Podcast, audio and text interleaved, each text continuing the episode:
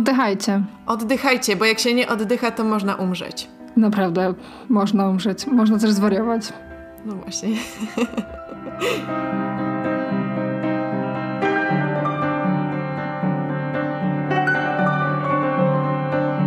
Cześć, witajcie w podcaście Można Zwariować. Dzisiaj porozmawiamy sobie o stresie. To pierwszy podcast w 2021 roku. I jak go zaczynasz, Ania? Jak zaczynam 2021? Chyba jeszcze się...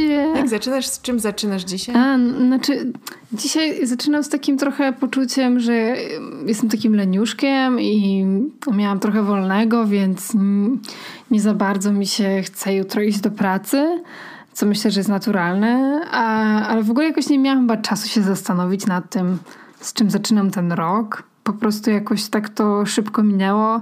Mam wrażenie, że straciłam w ogóle te ostatnie kilka dni, bo, bo jakoś wszystko się szybko działo. Um, no ale Jestem w dość dobrym nastroju i spędziłam fajnie Sylwestra na kanapie i jakby zupełnie w gronie dwóch osób, więc e, łącznie ze mną. E, więc to, było, to była bardzo fajna odmiana. No i super się bawiłam. I jestem chyba w good mood. A ty, Kleo? Ja też zaczynam tak spoko. Jak już wspomniałam, jestem niewyspana dzisiaj dosyć mocno bo mi się po prostu tak poprzestawiało już to spanie. Fatalnie, ale teraz będę chciała zrobić taki reset ajurwedyjski. On też zaleca chodzenie spać przed dziesiątą wieczorem i wstawanie przed szóstą.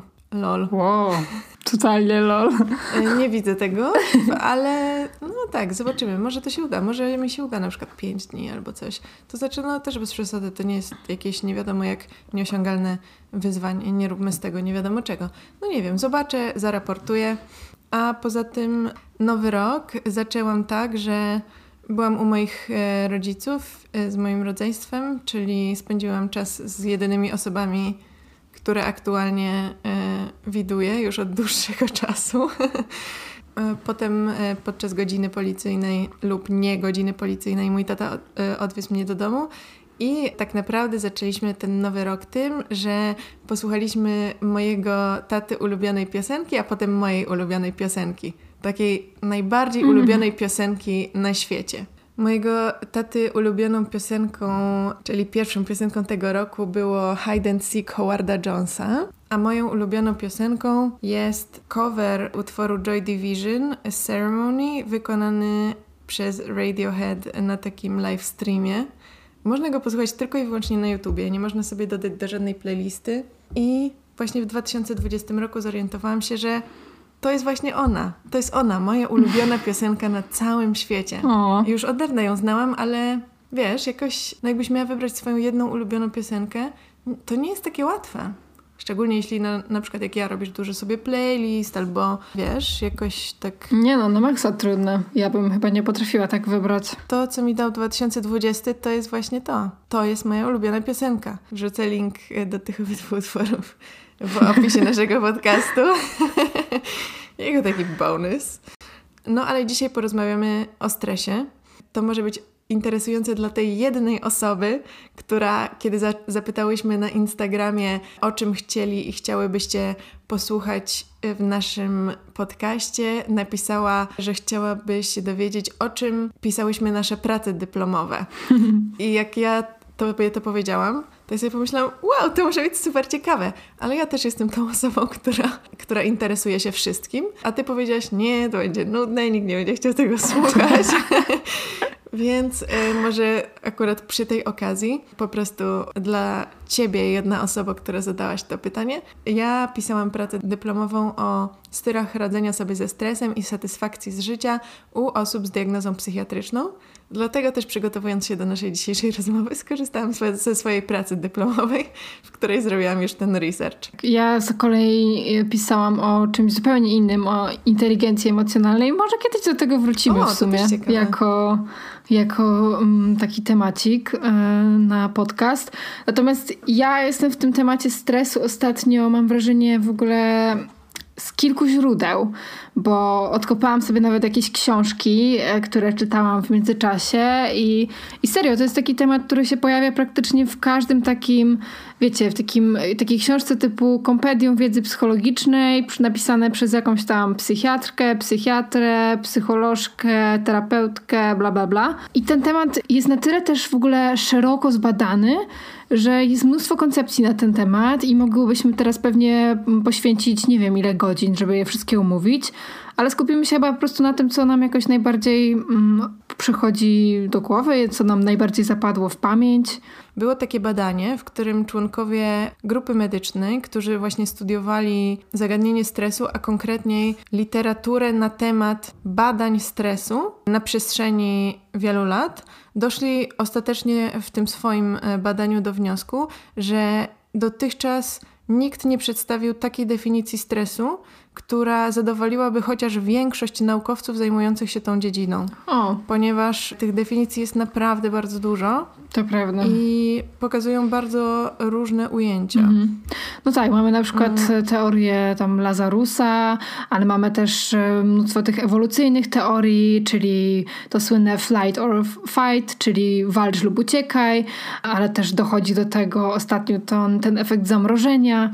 W ogóle nie wiem, no właśnie każda ta książka, którą wzięłam jest, jest trochę z innej koncepcji, bo też w niektórych koncepcjach przykłada się, takich bardziej biologicznych przykłada się wagę do działania kortyzolu, czyli tego słynnego hormonu stresu, a niektóre w ogóle się na nim nie skupiają. No generalnie można je podzielić bardziej na fizjologiczne mhm. i psychologiczne, tak, nie? Tak. tak w dużym, dużym skrócie sformułowanie stres to się w ogóle wywodzi z fizyki. Natomiast to, które mnie się wydało takim fajnym punktem wyjścia, to była definicja, która pochodziła właśnie z biologii i ze stresu u roślin, mhm. czyli Stres u roślin to po prostu fizjologiczna reakcja organizmu na niesprzyjające czynniki środowiska, czyli po prostu stresory. I to, gdybym miała w takim dużym, dużym skrócie określić, czym jest stres, to chyba wydaje mi się taką najbardziej przystępną definicją, mm -hmm. nie? Tak, no myślę, że, że ona też trochę się spaja z tym, mm, z tą koncepcją ewolucyjną, która się z kolei odnosi nie do roślin, tylko bardziej do zwierząt, tak? Czyli mamy takie porównania typu gazele goni lew, więc jakby co ona robi, tak? Ucieka, no bo nie będzie walczyła, jest akurat takim gatunkiem, który bardziej działa na tym, na tej ucieczce e, albo zamrożeniu, czy właśnie, nie wiem, człowiek pierwotny też właśnie, nie wiem, goni go jakiś, nie wiem, mamut, czy jakieś inne zwierzę. No i tak samo pojawia się ten, ten stres i ważny element jest, żeby ten, żeby domknąć ten cykl stresu i myślę, że o tym też na pewno porozmawiamy. Ale myślę, że to, co jeszcze warto podkreślić, to, że stres jest bardzo naturalnym efektem, no bo skoro tak wiele koncepcji powstało i jest czymś, czego nie da się wyeliminować i jest nawet w pewnej ilości zdrowy i potrzebny. Stres jest w ogóle no, taką motywacją tak, do działania i chociażby ten kortyzol, czyli jeśli spojrzymy z bardziej tej fizjologicznej e, strony, pojawia się w naszym organizmie nad ranem przy przebudzeniu zupełnie naturalnie. Nie da się zupełnie żyć bez kortyzolu. Czyli pojawia się ten, ten motyw taki, ten bodziec do, nie wiem, wstania z łóżka, tak? Czy do rozpoczęcia działania, do podjęcia jakiejś decyzji. Stres jest też ważnym elementem, ale w jakiejś normie. No i tutaj warto zaznaczyć ten podział na eustres i distres, no nie? Czyli stres, który jest pozytywny i stres, który jest negatywny, bo to nie jest tak, że ten negatywny stres to jest ten, który ci się dzieje zaraz po przebudzeniu, czy ten, wiesz, czy to jest ten, który ci daje ten, ten pozytywny właśnie bodziec do działania, bo distres jest właśnie tym y, stresem takim bardziej destrukcyjnym, takim, który wpływa negatywnie. No Więc no tak. y, mimo, że stres wydaje się mieć taką dosyć. Stres ma złą opinię generalnie wśród znajomych. No tak, no jak... Ale suchy żart. Raczej nam się kojarzy, że nie, nie chciałabym się stresować, nie? Mamy wszystkie w ogóle metody redukcji stresu i tak dalej, więc mhm. jakby automatycznie nam się nasuwa, że stres trzeba redukować i w ogóle niwelować i pozbyć się go. Ale myślę, że warto też mieć tę świadomość, że on nie jest jednoznacznie negatywny, mhm. że też może właśnie jest tym popchnięciem do działania, czy do zrobienia czegoś, czy nawet do uratowania się, bo czasami mhm. dzięki temu podejmujesz jakieś takie szybkie decyzje. Tak, tak. No, dlatego właśnie on napędza tą motywację. Tak jak to fight or flight, no mhm. no nie? Czyli walcz lub uciekaj. Miałam przed chwilą taki moment meta trochę, jak, jak rozmawiałyśmy o tym eustresie i dystresie, e, to pomyślałam sobie, że tak naprawdę właśnie to, o czym mówiłyśmy, czyli właśnie, nie wiem, ten lew goniący jakąś, jakieś zwierzę czy człowieka, czy nie wiem, szef krzyczący na ciebie, to nie są, to nie jest stres, tylko to są stresory, czyli bodźce, które wywołują tą reakcję fizjologiczno-neurologiczną, e, zachodzącą w naszym ciele, czyli wszystkie rzeczy jakby w otoczeniu, w środowisku, które właśnie nas stresują. To myślę, że jest też ważne rozróżnienie. A stres to jest nasza reakcja na to. Dokładnie, którą czujemy też w ciele. Ja myślę, że też w ogóle taką fajną ciekawostką jest to, dlaczego jest w ogóle tak mnóstwo tych teorii stresu, że aż nie da się dojść do jednej, która zadowoliłaby wszystkich albo chociaż większość. I to jest akurat ciekawy wątek, który wynika z tego, jaka jest ilość badań przeprowadzonych na temat stresu. I stres, e, wbrew pozorom, jest jednym z lepiej przebadanych zagadnień. Bardzo dużo badań na temat stresu, stresu pourazowego było prowadzonych albo jakoś tak też zbiegło się w czasie z II wojną światową i osobami, które przeżyły duży stres, jakim były obozy koncentracyjne. Mhm. I sama wojna też. I tak samo późniejsze badania nad stresem i tym zespołem stresu półrazowego, PTSD, no to oczywiście weterani wojenni już e, z tych wojen bardziej współczesnych, no nie? Mhm. I jednym z takich ciekawych badań, które zostało właśnie przeprowadzone po II wojnie światowej, a dokładnie e, na kobietach, które przeżyły obóz Auschwitz-Birkenau, było badanie Arona Antonowskiego, które jakby przyczyniło się do, do powstania jego teorii salutogenezy. I wydaje mi się, że to jest w ogóle bardzo mało znany koncept, a mnie się wydaje bardzo ciekawy, tylko też moim zdaniem on jest taki bardzo, wiesz, że nawet jak już go znasz, to on w dalszym ciągu jest w pewien sposób taki niedokładny. Mhm Wiesz, że to, to wszystko bazuje na takich rzeczach, które są. Trochę na takim e, poziomie abstrakcyjnym. Tak, trochę tak. Okay. W każdym razie Antonowski e, badał kobiety, które przeżyły obóz Auschwitz-Birkenau i zauważył, że 71% kobiet, które przeżyły ten obóz, no ma y, ewidentne objawy obniżenia poziomu ich zdrowia zarówno fizycznego, jak i psychicznego, ale 29% tych kobiet, mimo że mają te same albo bardzo podobne do siebie doświadczenia, w jakim stopniu bardzo szybko, nawet jeśli y, ich zdrowie się pogorszyło y, z oczywistych względów, to bardzo szybko były w stanie do tego zdrowia powrócić, zarówno fizycznego, ale też psychicznego. To znaczy, w dużym skrócie, to doświadczenie wyjątkowo dramatyczne, traumatyczne i trudne, z jakiegoś powodu na prawie 30% tych kobiet nie odbiło się aż tak, jak odbiło się na wszystkich innych. No i stąd się wzięło jego główne pytanie, czyli dlaczego ludzie, mimo że podlegają oddziaływaniu wielu stresorów, zachowują zdrowie, a w wypadku jego załamania szybko do zdrowia powracają. I bazując na tych swoich badaniach właśnie, sformułował takie kilka czynników, od których zależy właśnie ten poziom zdrowia. I po pierwsze, to są uogólnione zasoby odpornościowe, zachowanie, styl życia i ten czynnik X, czyli mhm. poczucie koherencji. Mhm. Więc zapisałam sobie dokładnie tak w dużym, dużym skrócie, jak można łatwo wytłumaczyć poczucie koherencji. Okay. I powiedziałabym, że to jest tak. Ogólne nastawienie i przekonanie o racjonalności i przewidywalności świata i własnego położenia życiowego. Hmm. To jest w ogóle mega, mega, mega ciekawe w odniesieniu do tego samego tematu, czyli obozy koncentracyjne Auschwitz i właśnie tragedia, jaka, jaką jest cały Holokaust. I koncepcja Wiktora Frankla, bardziej taka psychoterapeutyczna koncepcja logoterapii, którą on stworzył tak naprawdę przed samym obozem, ale którą ukształtował podczas pobytu w obozie. E, ponieważ e, był psychiatrą i jakby ta jego koncepcja nabrała jeszcze większego sensu w trakcie tego, tego pobytu. I on tam też zauważył właśnie, że osoby, które miały jakiś cel, jakiś, miały poczucie sensu w życiu, lepiej znosiły obóz, a tak naprawdę były w stanie przeżyć tą tragedię. Natomiast osoby, które nie miały takiego poczucia właśnie tej koherencji, można też tak to synonimicznie powiedzieć, nazwać, po prostu się poddawały i, ich ciało nie przeżywało, mimo że było na przykład w fizycznie lepszej kondycji e, albo były, były młodszymi osobami. Więc e, to, to, to mi dało takie, um, takie poczucie spójności trochę właśnie, że te dwie koncepcje jakoś się zazębiają.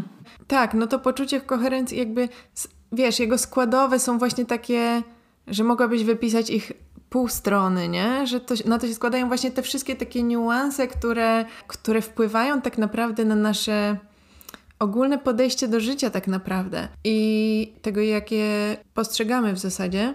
Natomiast ja się zastanawiałam, czy to jest coś, co można sobie wypracować.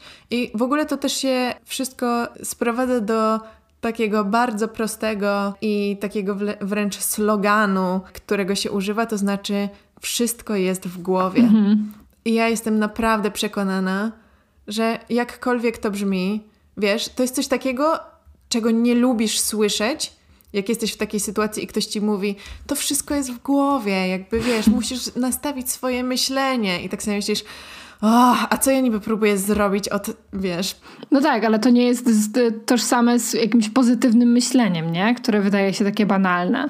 To jest zdecydowanie bardziej skomplikowane. To jest kwestia zmiany nastawienia. Ale też tak się zastanawiam, na ile... Ale czy to się da zrobić? Y, I moim zdaniem ja jestem po raz kolejny w naszym podcaście, ja jestem świetnym przykładem na to, że to naprawdę jest tak, że jesteś w stanie na to wszystko wpłynąć. W ogóle taka ciekawostka, kiedy poznałam się z moim pierwszym chłopakiem yy, i poszłam z nim na pierwszą randkę, to wiecie, co on mi powiedział na koniec tego spotkania?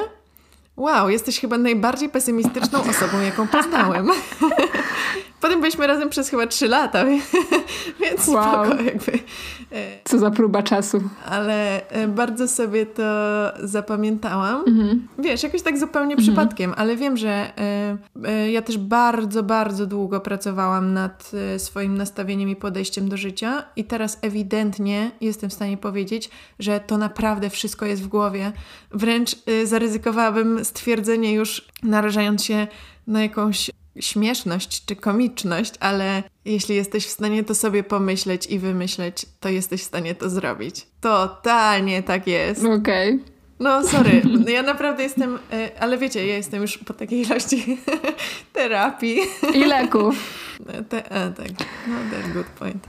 No tak, jestem e, jakby po wielu terapiach i jestem na dobrze dobranych lekach, no ale to jakby te leki mnie po prostu ustawiają do takiego poziomu mniej więcej jak mhm. na jakim są ludzie, którzy e, tych leków nie muszą brać. No ale no naprawdę wydaje mi się, że że w ogóle praca nad własnym nastawieniem, to, to o czym też ostatnio rozmawiałyśmy, to znaczy praca nad poczuciem własnej wartości, yy, takiej samo sprawczości, e, poczucia własnej wartości, pewności siebie, mhm. daje możliwość dalszej pracy nad naszym podejściem do życia i do świata, które jest w ogóle tak decydujące i determinujące, jak nawet tutaj o tym rozmawiamy, w kwestii tego, jak podchodzimy do świata, jak w ogóle postrzegamy rzeczy. I tutaj jeszcze w ogóle, wow, dzisiaj e, pozdrawiam moich wszystkich byłych chłopaków, bo dzisiaj, bo dzisiaj takie wątki mi wpadają. Też jednak mój były chłopak, od którego dużo się nauczyłam, który był takim aż niezdrowym optymistą, ale bardzo dużo się od niego nauczyłam właśnie z perspektywy osoby, która raczej była zawsze w drugą stronę.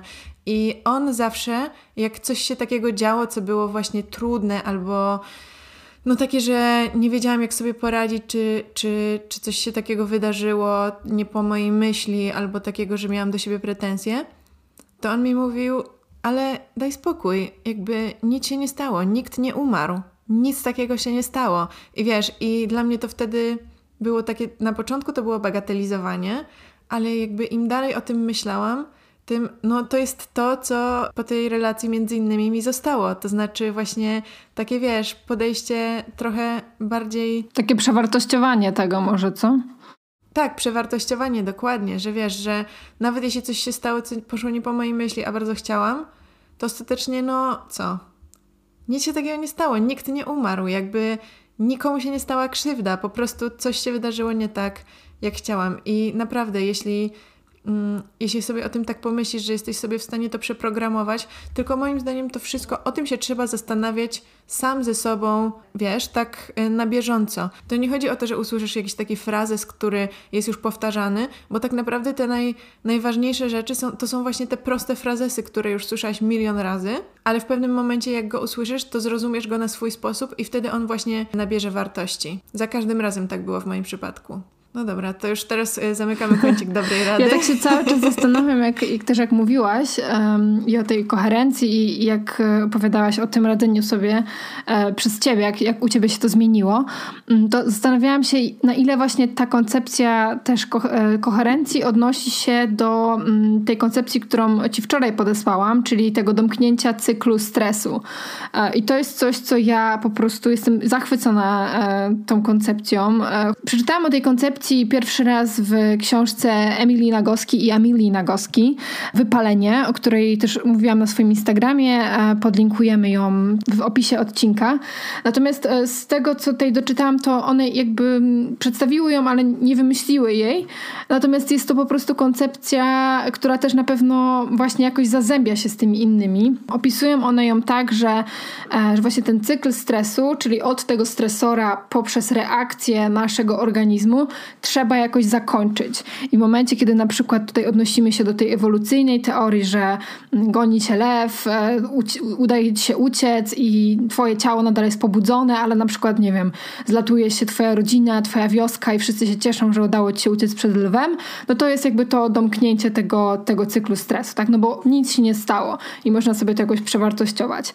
Natomiast w przypadku, kiedy towarzyszy nam e, stres e, codziennie, który nie jest właśnie jakimś fizycznym aspektem, e, no bo powiedzmy sobie, że jeszcze kilkaset lat temu, czy kilka tysięcy lat temu ludzie się nie stresowali pracą, e, sztucznym światłem, co też jest stresorem, czy nie wiem, no tym, że ktoś na social mediach mu obrabia dupę, czy jakiekolwiek inne mamy teraz stresory, więc ta reakcja stresowa musi być domknięta w taki trochę sposób, który wydaje się nam banalny, czyli szybka rada idź pobiegaj, ale tak naprawdę w mnóstwie badań zostało to potwierdzone, że aktywność fizyczna jest najbardziej efektywną metodą przejścia tego cyklu do końca, bo po prostu nasz organizm rozumie ten stres jako takie zagrożenie e, fizyczne, czyli potrzebuje, żeby nasze mięśnie zadziałały. To jest też moim zdaniem bardzo fajnie wytłumaczone, dlatego że to moim zdaniem nie jest jednoznacznie zrozumiałe zrozumiałe, dlaczego jak e, się stresujesz, to najlepiej to rozładować wysiłkiem fizycznym, nie? Tak, że, że to jest po prostu jakieś takie remedium, ale takie w sumie z czego ono wynika. A moim zdaniem to jest właśnie bardzo takie potrzebne i ważne wytłumaczenie tego, że to właśnie wynika z ewolucji.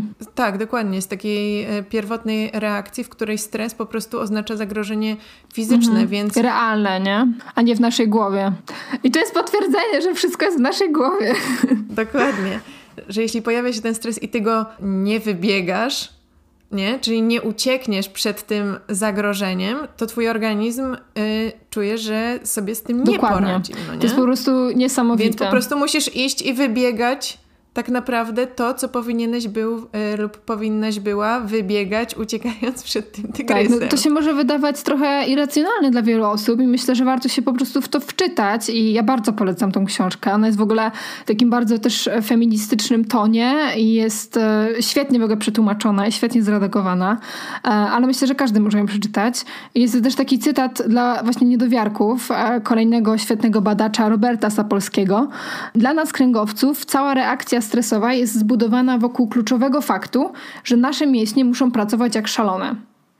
I po prostu trzeba to właśnie wybiegać.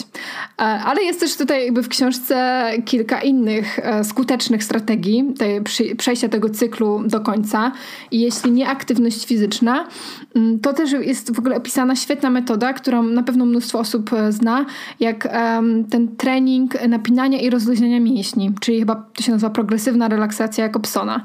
Czyli jeśli napinamy mięśnie i je puszczamy, to, to gdzieś też e, te mięśnie pracują, więc e, dla takich osób, które nie wiem, z jakiegoś powodu nie mogą uprawiać aktywności fizycznej, czy po prostu no, nie lubią, nie potrafią się zmotywować, e, albo nie wiem, z jakiegokolwiek powodu nie chcą, to mogą zrobić sobie też taki trening napinania i rozluźniania mięśni. Jest też kilka innych metod e, przejścia tego cyklu i jedną z nich jest na przykład oddychanie. I to jest też taka reakcja, o której ostatnio chyba mówiłyśmy, że, że trochę po prostu nasz organizm kojarzy ten wolny oddech, spokojny, szczególnie te długie wydechy e, z taką sytuacją, gdzie jesteśmy zrelaksowani. I tutaj mówimy też o tym układzie sympatycznym, parasympatycznym, gdzie po prostu przechodzimy właśnie z tej reakcji stresowej organizmu do takiej reakcji rozluźniania, właśnie kierując tym oddechem, tak? Że automatycznie, jeśli się stresujemy, to e, nasz oddech przyspiesza, staje się płytszy, więc jeśli zmanipulujemy tym oddechem i będziemy oddychać wolniej, i szczególnie jeśli będziemy robić e, dłuższe wydechy z pauzą, to nasze ciało też się rozluźni. Czyli na przykład to oddychanie chyba 6, 7, 8. Mhm. No, jest w ogóle mnóstwo takich technik. To jest to, z którego ja najchętniej korzystałam, mhm. czyli 6 sekund wdech, 7 sekund y, wstrzymanie, 8 sekund wypuszczanie. Okay. I od nowa. Tak, ba bardzo ważne jest to właśnie to zatrzymanie oddechu, nie? że tu jest w ogóle wiele technik i, i mogą być różne te długości, ale, ale ten efekt zatrzymania jest ważny. E, inną metodą i to sobie tak pomyślałam, że to jest bardzo ważne w kontekście tej teorii Wiktora Frankla i obozów koncentracyjnych, ale też myślę, że tej teorii, tej salutogenezie, o której ty wspomniałaś, e, czyli pozytywne interakcje społeczne. Bo jeśli mamy takie poczucie wsparcia społecznego, też już o tym mówiłyśmy i w odcinku z Olą o samotności, e, że te interakcje społeczne dają nam ogromny bufor przeciwko stresowi i sam fakt, że możemy z kimś porozmawiać o tej sytuacji będzie świetnym wentylem dla stresu, ale też nawet e, tutaj autorki wspominają o taki, takiej po prostu gadce, nie wiem, że właśnie zagadanie do baristy, skomplementowanie komuś czegoś, e, czyli takie małe interakcje społeczne, które często po prostu pomijamy, też mogą być istotnym czynnikiem, żeby jakoś e, dostrzec jakieś pozytywy w ciągu naszego dnia. Czyli też praktykowanie wdzięczności, o którym rozmawiałyśmy ostatnim razem, nie? Tak, to, to też na pewno się zazębia. I w ogóle świetna metoda, która po prostu dla mnie jest bardzo intuicyjna. E, śmiech. Wspólny śmiech i właśnie takie wspominanie jakichś e, a nawet jeśli nie śmiech, to wspominanie czasów, gdzie się wspólnie śmialiśmy, gdzie stało się coś zabawnego. I nie chodzi właśnie o taki, taki sztuczny śmiech, takie mm, kurtuazyjne zaśmianie się z czegoś żartu, tylko taki bardzo naturalny śmiech z brzucha, taki po prostu, gdzie, gdzie wiesz, tu wszystkie hamulce puszczają i po prostu tarzasz się po ziemi. I nawet tutaj też zacytowana neurobiolożka Sophie Scott, która mówi, że kiedy się śmiejemy, to korzystamy z pradawnego systemu, który wykształcił się u ssaków w procesie ewolucji, żeby pomagać nawiązywać i podtrzymywać więzi społeczne oraz regulować emocje. Co mi się wydaje bardzo logiczne, no bo nie zaśmiejesz się tak tak wprost i tak totalnie szczerze przy jakiejś obcej osobie, że zazwyczaj po prostu no ja się potrafię e, wiesz, zapowietrzać przy, przy moich jakichś tam najbliższych znajomych czy rodzinie albo popłakać się ze śmiechu e, no i wtedy to jest takie naprawdę szczere i uwalniające. No i kolejna rzecz, którą na pewno Ci się spodoba, um, którą pewnie już przeczytałaś wczoraj, jak Ci to wysłałam, czyli czułość, czyli coś, o czym mówiłyśmy ostatnio, że właśnie to, mm, to samo współczucie trochę przekułyśmy sobie na tą czułość. E, I to też jest tutaj um, odnoszone w ogóle do takiej no, serdecznej... Pokazuję właśnie ani do kamery, na czym stoi mój mikrofon na książce Olgi Tokarczuk, czuły narrator. Tak, ale tutaj w ogóle, muszę to przeczytać, bo to uważam, że jest w ogóle genialne, że ktoś przeprowadził badanie, w którym e, testowano, jak działa na nasz organizm sześciosekundowy pocałunek, ale nie taki właśnie, że, że kogoś cmokasz sześć tak, razy. to była moja ulubiona część. Super to była. Tak, Przeczytaj tylko to, no. w ogóle e, jakby chodzi o taki namiętny pocałunek z kimś, z kim byłoby to bardzo niezręczne, jeśli nie jest ci bardzo bliską osobą oczywiście. Dokładnie. O Boże, ile... Ja w ogóle zaczęłyśmy tę rozmowę od tego, zaczęłyśmy tę rozmowę od tego, że ja powiedziałam, że jestem niewyspana i ty się mnie zapytasz, a dlaczego jesteś taka niewyspana? Ja mówię, no nie wiem, coś tam. Ale sobie przypomniałam, że ja tak naprawdę myślałam o tym tak dużo wczoraj wieczorem. o tym, co mi wysłałaś. O nie, to przez, przeze mnie się nie wyspałaś. No, ale y, właśnie sobie przypomniałam, że ja o tym wczoraj wieczorem strasznie dużo myślałam po tym, jak mi wysłałaś wow. te informacje. No, dobra, no tak, przeczytaj. to jest też cytat tutaj z wypalenia, e, czyli sześciosekundowy pocałunek wymaga, żebyś na chwilę się zatrzymała i zauważyła, że naprawdę lubisz tę osobę, ufasz jej i darzysz ją ciepłymi uczuciami. Kiedy uznasz, że tak właśnie jest, twój organizm zrozumie, że jesteś bezpieczna i wśród swoich. To jest takie proste, czyli po prostu wszystko, czego potrzebujemy, to jest to bezpieczeństwo, nie? I tak samo dalej jest 20-sekundowy yy, Tak, uścisk, tak. No i można to zamienić właśnie na 20-sekundowe przytulenie, no bo powiedzmy, że nie wiem, z rodziną, czy To by było niezręczne. z jakimś przyjacielem, jeśli nie, nie jesteś w poligamicznym związku, no to nie możesz się całować przez 6 sekund, ale możesz się właśnie przytulać i to jest chyba w ogóle mój ulubiony sposób taki, taki z życia, że zanim to przeczytałam, to miałam takie... Znaczy jak, jak w momencie, kiedy to czytałam, to miałam takie, no tak, no przecież ja, ja zawsze tego szukam bardzo E, i, i to jest takie kojące i puszczają ci wtedy wszystkie hamulce i mm, no nie wiem, mam, mam kilka takich wspomnień, że właśnie przytulałam się do kogoś po prostu ryk w tym samym momencie. A ja wręcz przeciwnie, ja jestem raczej, y, jakby to powiedzieć elegancko, y, no nie jestem po prostu aż tak dotykalska, ale wczoraj się właśnie zastanawiałam nad tym, że nad tym konceptem tego, że, że po prostu jeśli ktoś nie jest ci aż tak emocjonalnie bliski, to całowanie się z tą osobą przez 6 sekund byłoby dyskomfortem. I zaczęłam sobie po prostu, wiesz, y, myśleć o tym Ja tak samo. i uznałam, że no totalnie, to, totalnie tak by było. No, wspomnienia wracają. A potem już moje e, myśli podryfowały tak daleko, że się zrobiła piąta. O matko. No nie. To wszystko przez siostry Nagowski. Ale słuchaj, to nie koniec, bo lecimy dalej. Mamy kolejną metodę zamknięcia cyklu stresu, czyli płacz. I tutaj e, jest wspaniały cytat, że jeśli ktoś mówi, że płacz niczego nie rozwiąże, nie rozumie różnicy między radzeniem sobie ze stresem, a radzeniem sobie z sytuacją wywołującą stres. I faktycznie jest taki efekt, że dla wielu, wielu osób, ja pamiętam, że kiedyś robiłam takie, takie stories i, i też daw, dawałam różne tam odpowiedzi na temat płaczu. I dla wielu osób to jest po prostu takie uczucie ulgi, że w momencie, kiedy, nie wiem, wracasz do domu, w końcu jesteś sama i możesz się po prostu rozpłakać, albo, nie wiem, w pracy biegniesz do toalety i po prostu dajesz sobie chwilę, żeby, żeby się wypłakać, no to jest jakieś, jakiś taki cykl, który coś się gromadziło i coś po prostu się uwalnia, nie?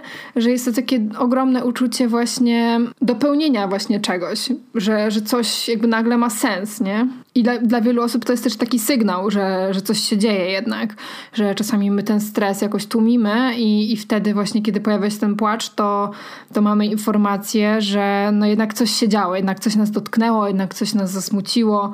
I nawet tutaj jest taka, taki protip, że można sobie nawet włączyć jakiś film i, mm, i właśnie dać sobie takie, taki moment na wyszlochanie się. Także to też jest coś, z czego warto korzystać świadomie. Ostatnią metodą jest ekspresja twórcza, y, czyli to, jak, y, w jaki sposób możemy właśnie poprzez sztukę, poprzez, nie wiem, to jest malarstwo, rzeźba, teatr, wszelkie formy opowiadania historii, e, czy nawet właśnie nie wiem, pisanie w dzienniku, myślę, że też może się pod to podpiąć. Właśnie, że możemy przekuwać te emocje na jakąś działalność i tym sposobem też domykamy tego, tego cyklu stresu, jakoś rozładowujemy te, te emocje. A powiedziałabyś, że ta metoda to jest takie trochę odwracanie swojej uwagi od tego stresora? Wiesz co, w pewnym sensie może być, ale myślę, że to właśnie chodzi o to, że robimy to świadomie, nie? Że jak już wiemy, że... Mhm. Czyli to jest bardziej zadaniowe niż unikowe. Myślę, że może być i takie, i takie, to zależy od nas, że jeśli, wiesz, jeśli, nie wiem, jesteś muzykiem i... i napiszesz piosenkę o twoim złamanym sercu, e, no to jak najbardziej jest to świadome, a nie unikowe, ale jeśli będziesz odciągał Boże, od uwagę... ile, ile muzycy mają stresu, po prostu ta ilość piosenek o złamanych sercach. No. Um, albo jak są zdrowi psychicznie. No nie wiem, to, to trzeba wrócić do naszego chyba dwa odcinki wstecz. Jakie mają świetne metody radzenia sobie. Tak. E, No i też jakby tutaj jest po, potem jakby wątek się ciągnie i, i dziewczyny tutaj omawiają skąd wiedzieć, że przeszło się ten cykl do końca. Jest jeszcze dużo praktycznych porad, także na pewno um, ja bym powiedziała, że to jest taka lektura do, uzupełniająca po, po tym naszym odcinku i chyba jedna z moich ulubionych książek to będzie. A jeśli wolicie po, posłuchać, to też e, zapraszamy do słuchania podcastu właśnie sióstr Nogowski Feminist Survival Project, bo omawiają podobne tematy, m, też tą koncepcję stresu i w mega taki przystępny i zabawny sposób. Tylko okładkę mają średnią. My mamy ładniejszą. To prawda. Ja bym chciała jeszcze poruszyć jeden wątek, czyli to w ogóle co nas stresuje, no nie? Mhm. W mojej pracy dyplomowej wtedy trafiłam na takie badanie, które wydało mi się bardzo interesujące odnośnie właśnie tego, jak się zmienia to, co nas stresuje, równolegle z tym, jak się zmieniają czasy, w których żyjemy. Mhm. I to było badanie American Psychological Association, które po prostu badało najpopularniejsze przyczyny e, stresu u mieszkańców Stanów Zjednoczonych i to była jakaś taka naprawdę duża próba. E, I to badanie wykonane w 2000, one, te badania są w ogóle robione co 10 lat. I to badanie w 2017 roku wykazało mm, następujące przyczyny stresu u mieszkańców Stanów Zjednoczonych i to była na pierwszym chyba miejscu przyszłość narodu, później praca, pieniądze, klimat polityczny, przemoc i przestępczość. I w tym samym badaniu, wykonanym w 2007 roku, te rzeczy na pierwszym miejscu była praca, potem pieniądze, obciążenie pracą, dzieci i obowiązki domowe. Mhm. I łatwo e, zobaczyć, jak tak naprawdę wszedł w nasze życia taki stres informacyjny, no nie? Bo te stresory główne z 2007 roku, to łatwo zauważyć, że to były głównie takie stresory empiryczne, no nie? Coś, tak. czego możemy sami doświadczyć, to znaczy praca na nas wpływa, obciążenie pracą na nas wpływa, nasze dzieci i tak dalej, i tak dalej.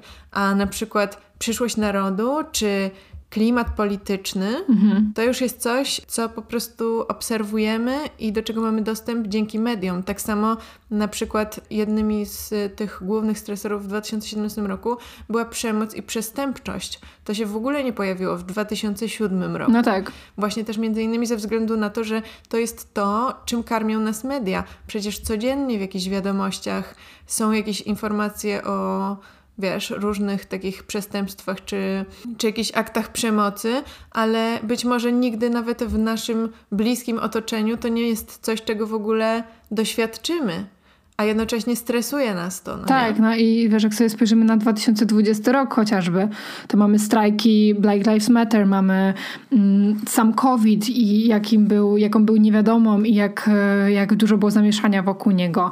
E, w Polsce były strajki wakacje e, LGBT+, potem strajk kobiet, no, cały czas jakaś właśnie, nie wiem, um, agresja ze strony policji w wielu krajach ma miejsce ale też y, ten stres mniejszościowy, o którym rozmawiałyśmy z Patrykiem, tak? Czyli są faktycznie osoby, które to, co my odczuwamy jako ogólnie taki niepokój społeczny, odczuwają wprost w odniesieniu do siebie. E, więc nie wiem, no osoby właśnie mm, czarnoskóre czy osoby LGBT e, jeszcze silniej będą taki stres odczuwały. Hm. I jak mają sobie z nim poradzić, skoro faktycznie jest to obecne w ich życiu e, codziennie? Rasizm i homofobia i wszystkie inne obrzydliwe rzeczy. Czy trzeba biegać codziennie? No właśnie, ale z czego to wynika? Z zachowania innej osoby. Dokładnie. Warto też mieć świadomość tego, że można być czyimś stresorem. Albo po prostu przykładać cegiełkę do, do tego, że budujemy taką kulturę stresu. Czy chcesz być czyimś stresorem? To, to jest w ogóle to, a po co to komu? Dokładnie. To jest nikomu niepotrzebne. To, to jest wręcz szkodliwe, więc nie jest potrzebne. Kurczę, myślę, że mogłybyśmy rozmawiać o tym w ogóle jeszcze pewnie kilka godzin i przejść przez wszystkie koncepcje i, i to chyba zrobiłby się jakiś um, semestr cały wykładu na uniwersytecie. Um, no ale chyba nie ma sensu, żebyśmy e, mówiły o wszystkich aspektach związanych ze stresem. Myślę, że zarysowałyśmy taki ogólny koncept tego zagadnienia i też te fajne sposoby mhm. na zrozumienie tego i radzenie sobie, no nie? Tak. Mam nadzieję, że zaświeciłyśmy Wam jakieś światełko w głowie na temat tego, czym jest ten stres tak naprawdę, czym jest stresor, czym, czym się stresujecie i jak możecie sobie z tym radzić. E, jak zwykle też y, zachęcamy Was do pisania do nas na Instagramie, czy w formie komentarzy pod zdjęciami, czy w wiadomości prywatnej. Wszystko czytamy i bardzo cieszymy się, jak się z nami zgadzacie albo się nie zgadzacie, więc e, piszcie. Ślijcie listy. No nie sądziłam, że do tego dojdzie, że powiem coś takiego w naszym podcaście, ale może no co, jako remedium warto jednak pójść pobiegać. Albo porobić jogę. Poddychać. No. Ja chodzę na wspinanie. Oddychajcie.